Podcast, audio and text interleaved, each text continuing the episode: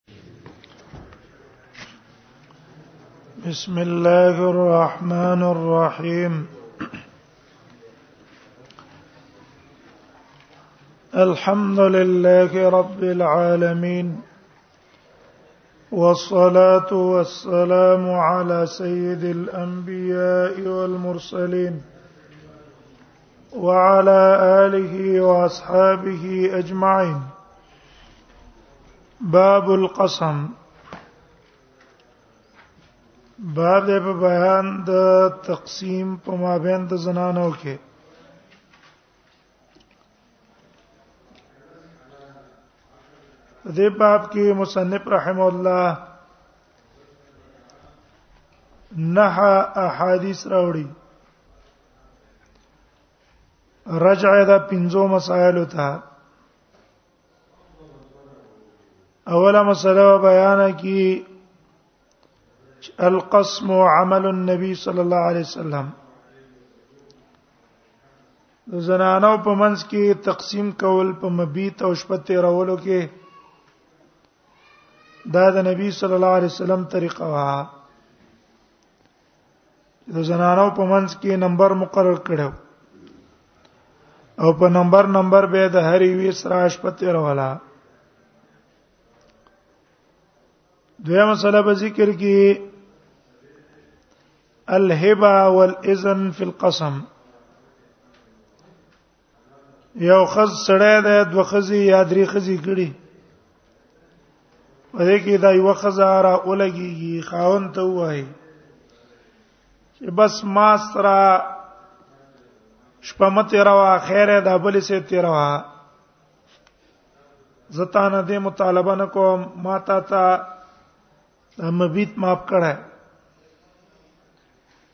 نو دا جایز ده خزر اولګي خپل عیسی او نمبر اخاون تماف کی یا یو خزه ته هبه کی درې مسله بیان کی بیان طریقه القسم بین الزوجه الجدیده والقدیمه تا یو خزه دا د پاسه د په بل خزه واده کړه نو که چرته دا باقی روا نو بیا به د دې سره څو شپې تیرې تیرې د مل مستو او کدا واده کړې دي صحیبه وا نو د دې سره به څو شپې تیرې د مل مستو ابا بیان کی سلورم مسله به ذکر کی ذکر الوعید فی ترک القسم فيما يملك یو سره په خپل واک او اختیار باندې د خزو په منځ کې عدل او انصاف نه کوي سیه خزه سټول وخت یې رہی دی بل له حق نه ور کوي نو دی به الله رانی سي مؤاخذه وي او دا غي وعید په ذکر کې چې قیامت پر ورځ باندې با د راشي او د یو طرف به کوږي پالش بواله پنځمه مسله به بیانای الاستهام فی السفر من القسم سره په سفر باندې زی نو په سفر کې دوه خزي درې خزي او دا په سفر باندې ځان څه یو خزه بوزي په کار دا چې د سوچو کې دا خڅنه واچي چې کومه خزي خڅنه راوخته اق ځان څه په سفر باندې بوزي او دا خڅنه چول بهتر عمل له راجح قول علماء واجب او لازم نه ده نو باب القسم باب د بیان د قسم کې قسم مصدر صيغه ده قسم يقسمونها او د دې نه قسم بین النساء ده قسم بین النساء معنا دا ده چې یو سړی دوه خزې یا درې خزې نو دې خزو په منځ کې به عدل او انصاف کې فلم بیت ها پشپتی راولو کې دارنګي فی النفقه خرچي ور کول کې دیره هم خرچه ور کوي غیره به هم ور کوي دی وی سم شپه تیرې بلې سم شپه تیرې څونه وخت چې وی سه تیرې دونه بده بلې سه تیرې دا معنا د قسم ده دا نه چې وی خزر جامع راوړي بل نه راوړي یوې سشپه تیرې بل سنه تیرې او بیا یو خزي اولاد او بچی ډیر واغله نه پکړې را ورکه بلې کم واغله و داغه مطابق کم خرچه ورکه دا قسم ذکر کړي الفصل الاول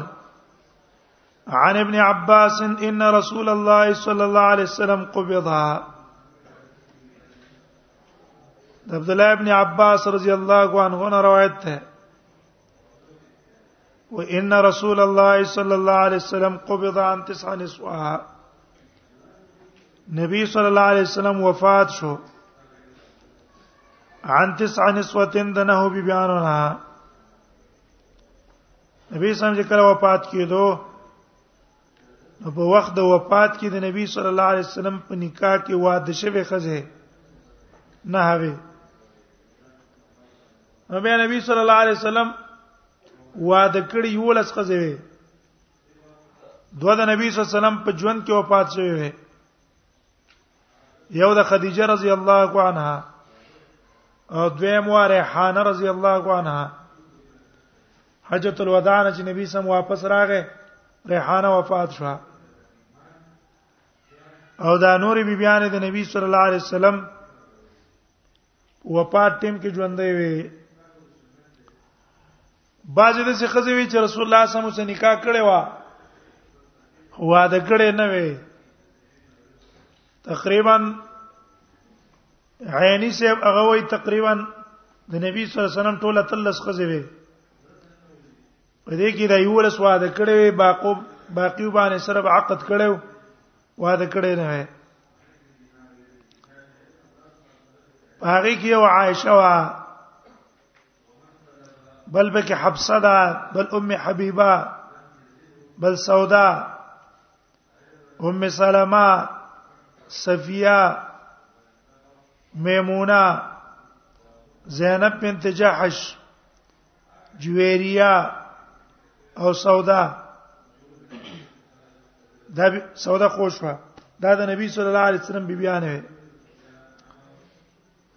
وینه هونه وفات شو وکانه یقسم منهن لثمان او نبی صلی الله علیه وسلم به قسم کو په دې خزو کې د پاره د اتو نبی سم په قسم باندې عمل کړه په دې خو اتفاق دی د علماو چې په امت باندې قسم فرض دی امت باندې قسم فرض ده یو جړې دوه خځې وکړې اوس په د باندې مبیت ته هری وی خځې سره یو شان مساوي کشپاو سره تیرې او که د شپې نه کم وخت تیرې او چې یو خځې څونه وخت تیرې دونه به د بلې سم تیرې دا قسم په لازم ده په دې اتفاق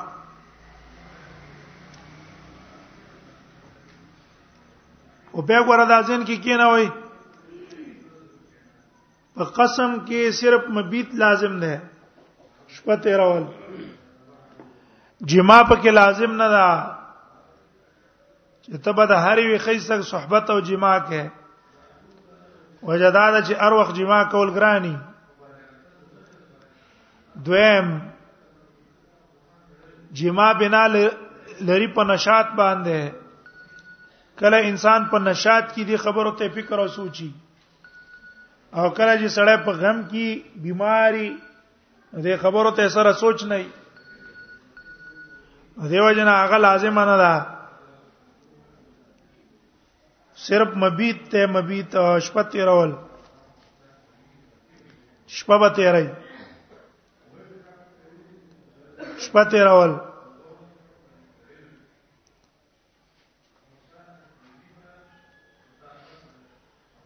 په دې خو اتفاق شو چې په امت باندې قسم لازم دی چې وی نکړه مجرمان دي لیکن د نبی صلی الله علیه وسلم باندې قسم لازم وکنو دا اختلافي علما اختلافي مسله ده عند العلماء او دا یو علمی بحث ده علمی بحث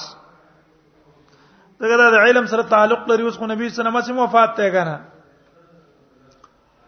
نو یو قول د شوافیع ده شوافیع وی قسم پر رسول الله صلی الله علیه وسلم باندې لازمو لکه څنګه چې په امت باندې لازمو دغه رسول الله صلی الله علیه وسلم باندې قسم لازمو او هغه دلیل د وجوب د پاره حدیث باندې استدلال نه ولې رستو را روان ده اللهم هذا قسمي فيما املك فلا تلمني فيما تملك ولا املك یا الله داس ما قسم دې پای کې جزې مالک هم نو تم ما ما ملامت کو پاغه سکی چې ته مالک یې زی مالک نه ایا ملامت کو ګور رسول الله صلی الله علیه وسلم چې دعا کوله دا دلیل دی په دې خبره چې قسم پاغه لازم دویم قول د احناف علماو ده احناف علما او قسم پر رسول الله صلی الله علیه وسلم لازم نه دلیل آیات ته قران کې ترجی من تشاء منهن وتوي اليك من تشاء ومن ابتغيت ممن عزلت فلا جناح عليك آیات سورته احزاب صریح ده په دې کې چې رسول الله صلی الله علیه وسلم باندې قسم لازم نه وو ول الله ته اجازه ورکړي ستا خوغه دا کوم یو د نمبر نه وباسي کوم یو په نمبر کې راواله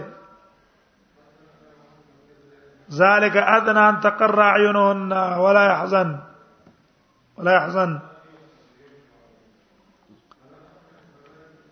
او دا قول راجح ده اور چې نبی صلی الله علیه وسلم دعا کړې ده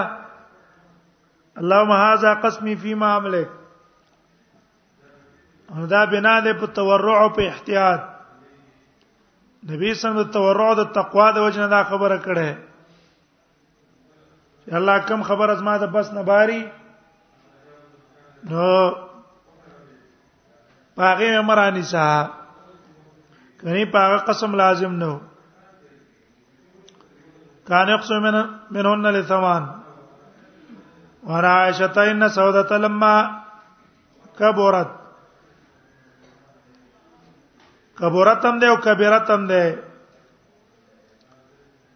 وې سوده چې کله بډای شو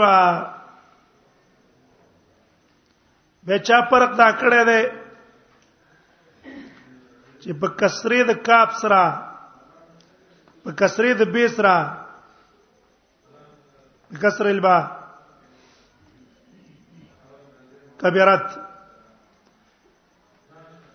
مراد ته نه ده په عمر کې ډیرواله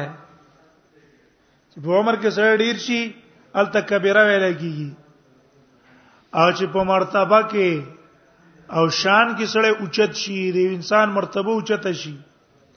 الته به بزم البا ویل کیږي کبرا ولما كبرت او څوک چې دوانه په یو بل په ځای راځي کله چې دا بډای شو نو قالت دا ویری دلا اسنه چې رسول الله صلی الله علیه وسلم ما پرینې دي نو ویل اې د الله نبی قد جعلت يومي منك لعائشه ما ګرځول دا يومي زما ورځ من کستان لعائشه عائشه ته اې د الله نبی زما چې کوم ورځ نمبر ده اق نمبر ته زما په ځای باندې عائشه لور کا بس عائشه څه دوش په تیروا فکان رسول الله صلی الله علیه وسلم یقسم علی عائشه نبی صلی الله علیه وسلم به قسم کوي عائشه لا یومین دو ورځې یومها یو خپل ورځ وا و یوم سودا او بل ورځ د سودا وا په دې باندې خو اتفاق دی د علماو چې ګوره زنانه را اولګيږي او هغه خپل نمبر ماپ کی خاوند تا بالکل دا ماپ کولای شي لیکن کدا خزه تعینو کی د ورځې د پاره د یو خزه ما دا ورځ ماپ کړه تا ته او دا ورځ پلان کې لور کا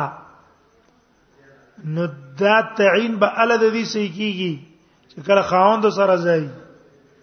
صحیح سره خاوند سره ځای که خاوند سره ځاو په دې چې او دا ورځ د اق خزل ور کړی چې ډبل بس ټیک شو او که خاوند سره پر رضا نه وو نو د دې په هبه کېدو باندې دا ورځ اغه تا هبه لې خزې ته په هبه کول باندې دا غې نه ګرځي او خاوند په دې مرزای چې دا د نمبر نه وځي او که خاوند دا د نمبر نه استو کې رضا نه و به هم د دې په هبه کولو هبه نه کیږي وجه دا ده که رضا د خاوند په کې مونږ اونې وایو دا به zarar د خاوند اوله یو سړي به څلور خزي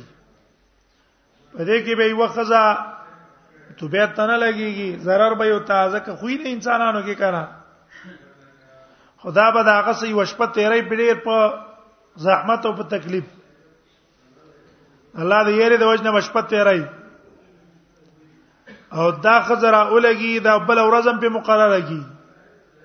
زما نمبر وامه زه تیرې زه ته zarar ده کنه ده نو دی وجنه د خاوند رضا پکې څه ده خاوند رضا پکې شرط ده که هغه په تعین خاوند رضا نه وو بس نمبر د دې ختم شو او په دې ټولو خو زبانه څه شو یو شان بس ګرځي داته نمبر نه وته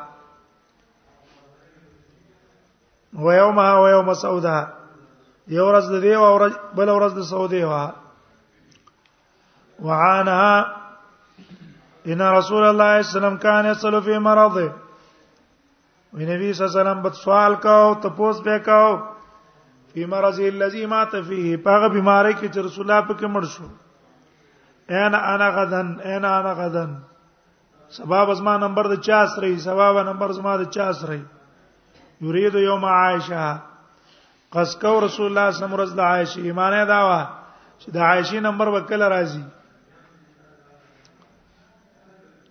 نو ګوره نبی صلی الله علیه وسلم په وخت د بیماری کې هم د قسم څخه کړه ده لحاظ کړه ده حکم د قسم لحاظ کړه او چې کله بی بیان پیښوي نبی سلام ته ویل چې دا الله نبی ته د عائشه په کوټه کې کینا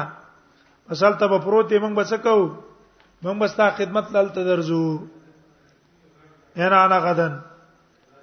انا انا غدن یرید یوم عائشه اذن له اجازه وکړه نبی صلی الله علیه وسلم ته ازواجه بیبیانو د نبی صلی الله علیه وسلم د نبی صلی الله علیه وسلم بیبیان راوله کېدلې حضرت اجازه ورکړه یکون حيث شاء چې وی بلا حيث شاء چرته چې خوخی غیر الله نبی ته چې چرته د خوخوا بس الته به من بل خدمت ته درځو کونو حيث شاء فكان في بيت عائشه النبي صلى الله عليه وسلم په کوټه د عائشه کیو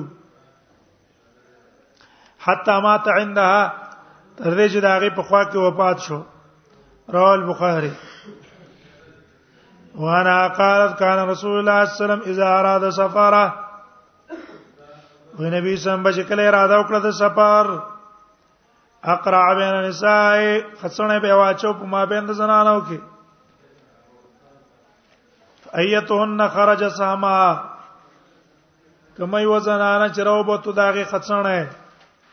خرج بها معه و به استر د زنانه ماغو د خپل ځان سره په سفر باندې حدیث نه یو مسله معلومه شو جواز القرعه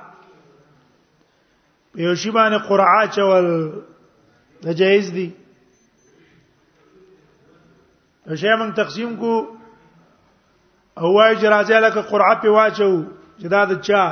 چې چا قرعه راو خطلا غبه واخلي یا یو شی د ټولو ته یو شان نه تقسیمیږي مونږ وای ځالکه قرابه په واچو چې د چاراو خطو بس دا غشوا او ټول په رضا شو دا قرعه جایز ده دا حدیث په دلیل ده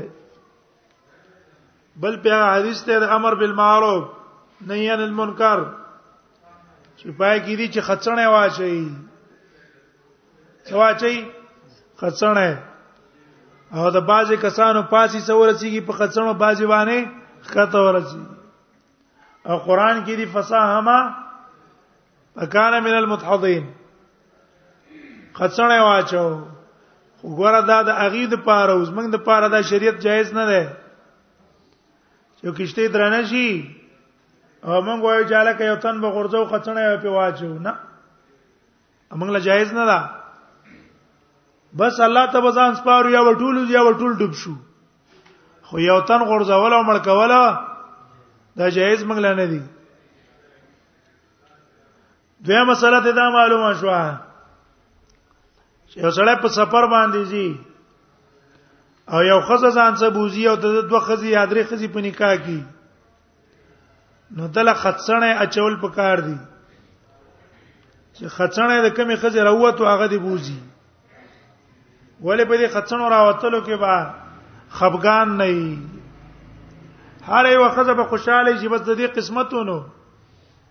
کما هو تعالی ابم خپنه او چې کما پات شو ابم خپنه هغه بس قسمت خبره وا خڅنه راوخته داغه اګه بغیر د قرعین ابوزی دا سبب دی د پاره د خفغان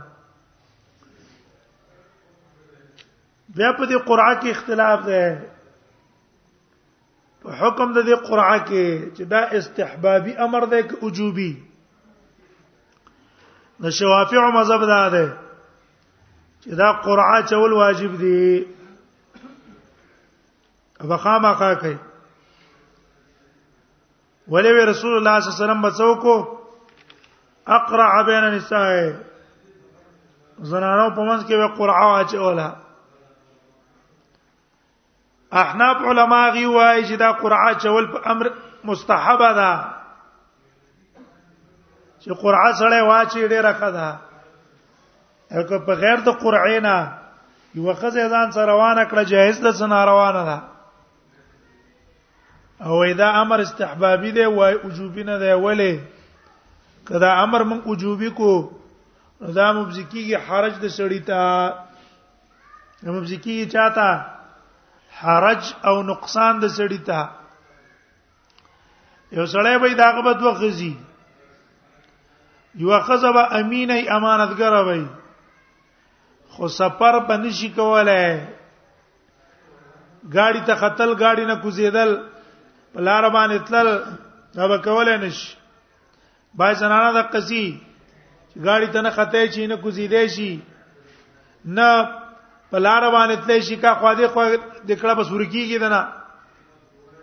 د دې بوتل په لار باندې څه ده سفر کې د دې بوتل حرج ده او په کور کې پر قستلې سړي فائدہ ده ځکه امینه خزا ده چې په کور کې پاتې شو نو د کور با حفاظت وکړي او سړی ته به تکلیف نه وي سفر کې بل خزا وي ابا تکړه لار باندې تل لا تل باغې تاسانی لیکن امینه باندې نه د دې خزي فایده پدې کې چې په سفر باندې بوزي ولې سفر کې تتل دی آسان دی تکلیف پکې نشتا نو که چرته من قرعه په لازمه کو نو کې دې شي قرعه د چا راوخیږي هغه خزه راوخیږي چې امینه ده خو سفر باندې پوره پويږي نه او د پات کېدو قرعه راوخیږي د دې غیر امینه نو کوس دا سړی دا خزه ځان سبوزي او دا غیر امینه په کور کې پری دی نو کورم خراب شو او سفرم څه شو مشقت او تکلیف کې پرې وته لہذا دا قرعه او استهامه چول څه نه چلو دا واجب نشو بلکې امر استحبابي شو وهذا هو الراجح او دې کوم د امام بنفه مذهب راجح ده لکه قسم کې د امام صاحب مبارک قول د چا راجح شو امام بنفه رحم الله دې کوم د قصیده د مذهب راجح ده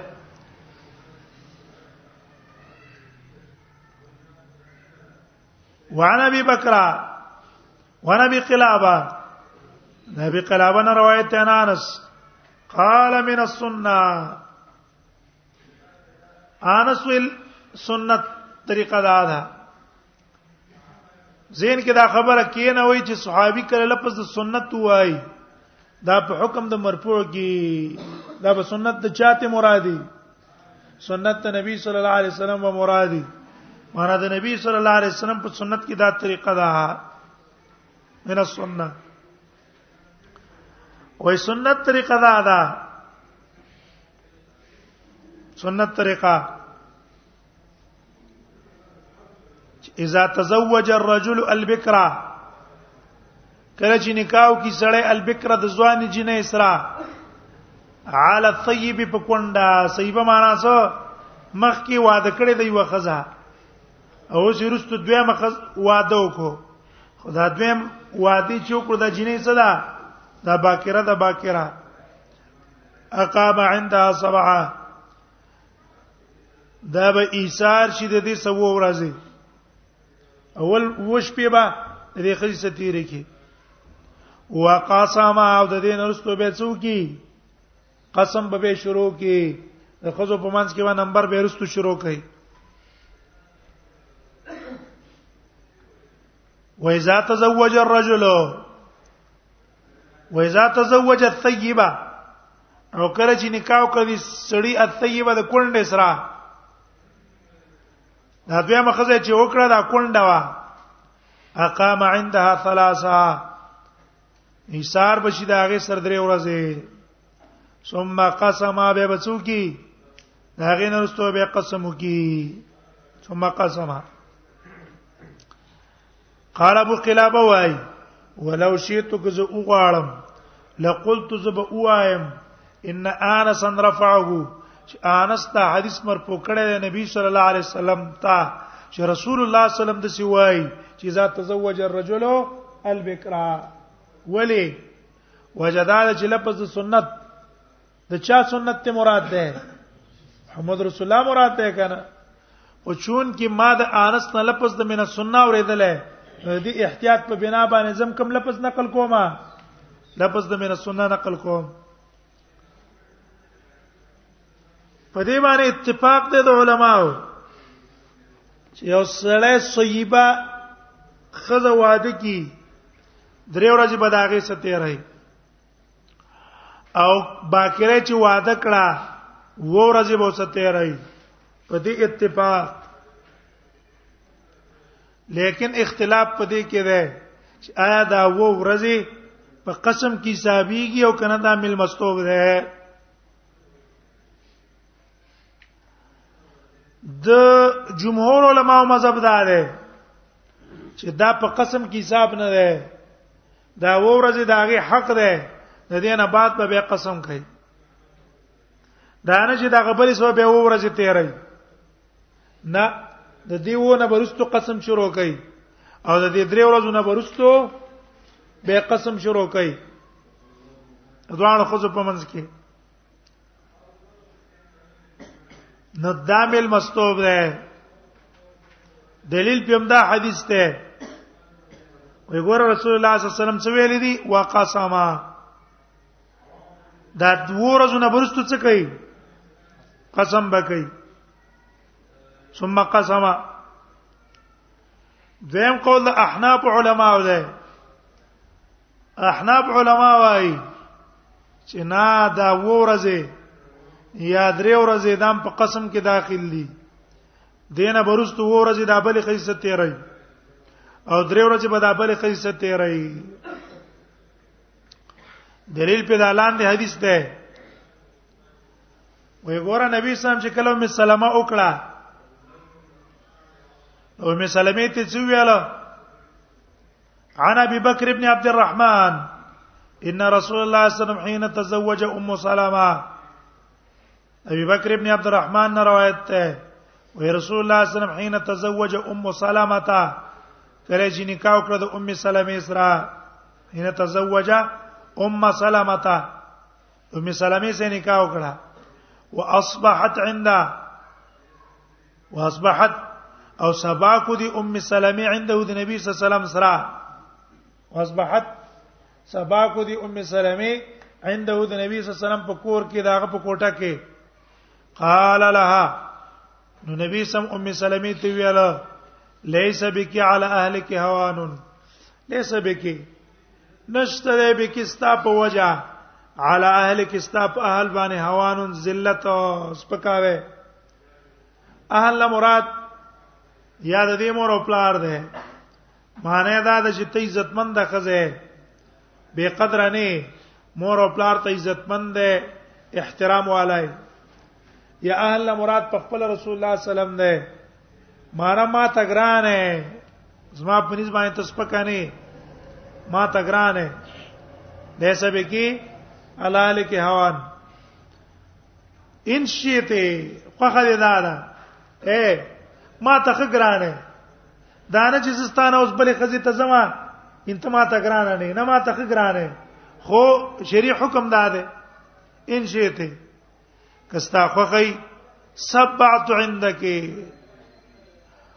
و ورځ به تیر تیر کم زستا په خوا کې وسبعت عندهن او به به ورځ تیرو مد نور خصوص را و ان شئت سلست عندك هغه خو دې درې ورځې به تیر کم و دور توبه ګرځم قال ته ام سلمې او تل سلس بدرې راسه تیر کا وې ګوره نبی سم ته څه ویل ان شئ تسبعت عندك وسبعت عندهن دا ویل کوي نه ویل و به تاسو تیرو تیرو ما به به هر خسه وو ورځې تیرو ما اخر کې وتا ته نمبر راځي نو دیو تل درې ورځې تیرې کا جمهور علما وايي چې نه د دې حدیث مطلب دا ده چې د سیبه حق د درې ورځې مل مستوب او کدی مطالبه د زیات ورځو وکړه نو درې ورځې نه زیات چې مطالبه وکړه او خاوند سو وخت تیر کو نه درې ورځې مل مستوب هم ختم شو درې ورځې څه شو مل مستوب هم ختم شو بیا چې درې ورځې نه زیات مطالبه دی وکړه خاوند سو تیر کړي بس هغه درې ورځې په مل مستوب کې ختم شو په څه کې به داخليږي قسم کې ولې د حدیث ظاهر ته وګورئ ان شئت سبات عندك استاخوا کوي ورځ به تاسو تیرې کوم وسبات عندهن او بیا وګور وو ورځ چا څه تیرو ما هرې وی خې سبا تیرو ما او وین چې تسلست عندك او خو خې درې ورځې بس تیرو ما داستا حق ده و درتو او د درې ورځې نه بعد په بیا څه کومه قسم به شروع کوم قسم دا ا وخت نه به قسم شروع کوم که تانه می شروع کو او که د بل نه می شروع کو ودرتو دا معنا ده قالت دی ویل سلس ثلث معنی درې ورځې ما سره تیرې کا و فی روایتین بل روایت کې انه قال لها دی تی ویل للبکر سبعون ورته بکری ورځ مل مستوب ده ولې طیب ثلاث او د صحیبه د پاره درې ورځې مل مستوب ده استغفر خو قدانو صحیبه درې ورځې او د باکری و ورځې رواه مسلم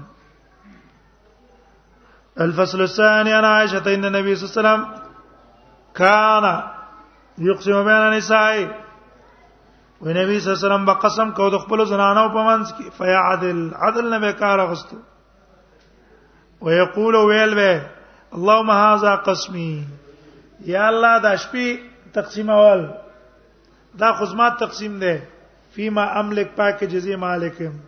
ای وی سشپت تیرول بل سبل سبل سشپت تیرول دا زما په اختیار کې دي فلا تلمني فيما تملك ولا املك تمام ملامت کو پاغه سکه تملک چې تی مالک ولا املک او زی مالک نه مقصد یې سو محبت ته د زړه اے الله نه اے یا الله زما په ځل کې د عائشه سره ډیره مینه ده په نسبت د نورو خوځو نو په دې محبت مې مرانی سا حدیث دلیل لري په دې چې قسم فی المحبت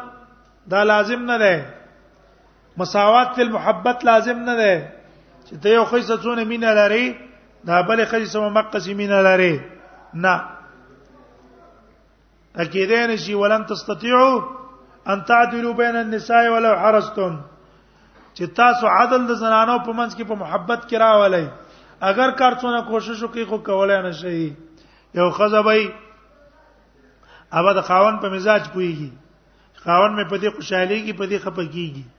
خفقان د کار نه بزان ساتي د خوشاله کار وکي خاون باغی سره مینه او یو بجیا بزدی سره د خاون پروا باندې ساتي چې دا څوک دی څوک نه دی نه داغه د خفقان پروا ساتل او نه داغه د خوشحالي پروا ساتل خامخا به د خاون داغه سپسړه کې مینه نه کنا بلې وخزه به هغه به ځان پاک صفا ساتي خاون به ځان تراقب کوي بل به دې پروانه ساتي محبت خدا غیر اختیاري شی دی محبت څه دی غیر اختیاري شی دی نو دیو جن پای کې مساوات لازم نه دی جاء يوم القيامه وعن ابي هريره رواه الترمذي وابو داود والنسائي وابن ماجه والدارمي وعن ابي هريره عن النبي صلى الله عليه وسلم د ابي هريره عنه روایت ده هغه د نبی صلی الله علیه وسلم روایت کوي قال نبی صلی الله علیه وسلم فرمای اذا كانت عند الرجل امراتان کله دې سړی په نکاح کې دوه خزې وي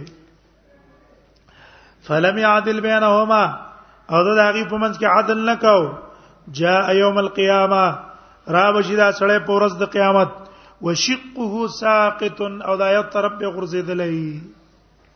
ابا پالج والی ولی زکه چې د بن صافیو به عدلی کړی دا رواه ترمذی او ابو داود او نسائی او ابن ماجه ټیک دا فهمه خزه خو سره ته خوشاله ای او دې تم دې ګوري چې رستو زه عادل او انصاف کولای شم کنه شم کولای او حقوق ادا کولای شم کنه نو دا پکې رواه ترمذی او ابو داود او نسائی او ابن ماجه ډیره سخت خبره ده په خصوصا دی وخت کې عادل او انصاف والا نشتا به مخزي چا کړی اکثره میدان څخه کړه ده میدان هغه خراب کړه ده یا زړه خزه واخلي زړه خزه اولې زړې سورانې بل په کوي بیا رسته چې بل راولي به ته زړې سر شي داس نوې پری دي او یا نوې سواخلي زړه پری دي عدل انصاف چلے دوه والا کم دي په عدل او انصاف باندې بچلېږي ولم يعدل بينهما جاء يوم القيامه وشق ساقط رواه الترمذي وابو داود والنسائي وابن ماجه والدارمي الفصل الثالث غرض د حدیث څه شولو غرض د حدیث دا شو چې خزو کې با عدل او انصاف کې پیسې د سره نه وا زید جدا نه و نو دیمه خزا د کور کې راوستل ځان د پاره غم جوړولې استاد نه شته ایو ایو خزې د پاره پورا کور نشي ورکواله پورا خرچه نشي ورکواله او ته په پاسه بل امر راواله غیله خرچه ورکه خوراک ولا ورکوا بل دې وکړه جدا سي ولو کا بس وخت به تیریږي الفصل الثالث سنتا حتان روایت ته قاضی حضرنا مع ابن عباس جنازه میمونه وای موږ حاضر شو د ابن عباس رضی الله عنه سره جنازې د میمونه ته میمونه رضی الله عنها وفات شوه وا صرف مقام کې به صرف دا په دې صرف کې واده شویم دا نبی سم چې دا واده کړ په صرف کې نو په دقه زیاده وفات شویم د قبر ملته ده د نبی سم ټولي بیبيانې د په یو ځای کې پرتی دي خدیجه مکه جنت المعلا کې ده او دا میمونه په صرف مقام کې ده انور ټولي بیبيانې جنت البقیع چوته وي بقیع مدینه کې الته په یو ځای کې پرتی دي فقال نو وی فرمایل هاذی زوجۃ رسول الله صلی الله علیه وسلم دا غره د نبی صلی الله علیه وسلم بیبی دا دا دا نبی صلی الله علیه وسلم بیبی دا فاذا رفعتم نعشها کله چې تاسو را پورته کو نعشها د دې کټو نعش ویل کی ستا کټ د مړی تا فلا تزعزعوها میجړه قوی دی لرا زعزع ویل کی ستا حرکت پر کول بالقوه معنی دا ده چې د زمکه نه سره پورته کوي کنه په جړه قیمه پورته کوي د ما د پورته کوي او ولا تزلزلوها او می خوځوي پوړو کې زلزلہ څه ده زلزلہ ده فی الحمل علی الراس چې بوګوم پورته کړی او تیز هم روانه کړی او دا غي د وجنه حرکت ورکوي نه په آرام او په وقار بوزي ورفقو بها او دې سنرمي وکي وجدادا فإنه كان عند رسول الله صلى الله عليه وسلم تسع نسوة نبی سم په نکاح کې نه بي بیان وي نه بي بیان كان يقسم يقسم بهن لثمان نبی صلی الله علیه وسلم با اتول قسم کو حساب ور کولا ولا يقسم لواحده او یې د پاره وې قسم نه کاو نو دا میمونه هغه بیبیانو کې وا چې رسول الله صلی الله علیه وسلم له څه کړه ده قسم له کړه نبی سم ته ګران وا دیو جن دې احترام او اکرام پکار ده فانه کان دا علت ته د مخکې د پاره وګوره احترام باندې زکه بوزي چې دا رسول الله صلی الله علیه وسلم ته ګران وا قال عطا وای التي كان رسول الله صلى الله عليه وسلم يقسم لها وی هغه بیبي چې نبی صلی الله علیه وسلم قسم نه دی کړی بلغنا و موږ ته دارا رسیدلې دي انها صفیتها اذا صفیه وا وكانت اخرهن موتا ماتت بالمدینه واذا اخر و په دې ټوله کې په مر کې ماتت بالمدینه په مدینه کې مړ شوه د ټوله بیان نرسلو صفیه مړ شوه عطا ابن ابي رباح تابعی دی لیکن په دې خبره کې خطا شوی دی بلغ نه کې او په دواړو خبرو کې خطا ده په اوله کې هم خطا ده چې دا بیبي چې نبی صلی الله علیه وسلم دا ورکړی دا صفیه ده او په دې کې هم خطا ده چې دا صفیه په ټولو کې رستم مړه ده دواړه خبرې خطا دي اوله خطا ځکه ده دا صفیه نه ده دا سودا ده دیوجن رزین وی وقال رزین رزین وی قال غیر عطائن عطانه په غیر نور علما ویل دي هي سودا سودا وا وهو اصح او دا خبره سیدا وهبت یومها لعائشه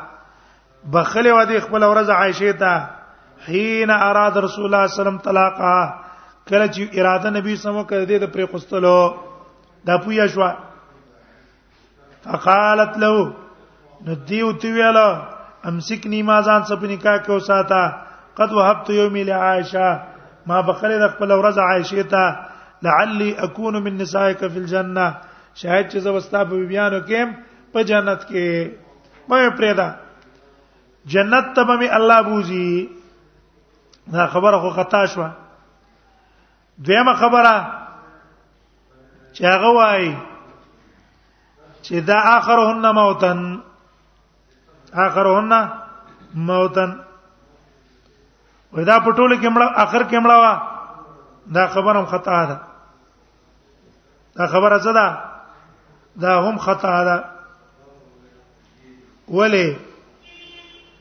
ظاهر کې چې معلومي کې چې په اخر کې ټول کې چې رستم مړه ده دا میمونه مړه ده میمونه سوده رضی الله عنها ترتیب د بیبیانو داو خدیجه چې مړه شو نو نبی صلی الله علیه وسلم سودا وکړه او د عائشه سي نکاح وتړه بیرسته واده کړه سودا مړه شوې د 450 هجری کې 450 هجری کې عمره شوې ده دیمه بی بی دا عائشه عائشه مړه شوې ده په 50 کې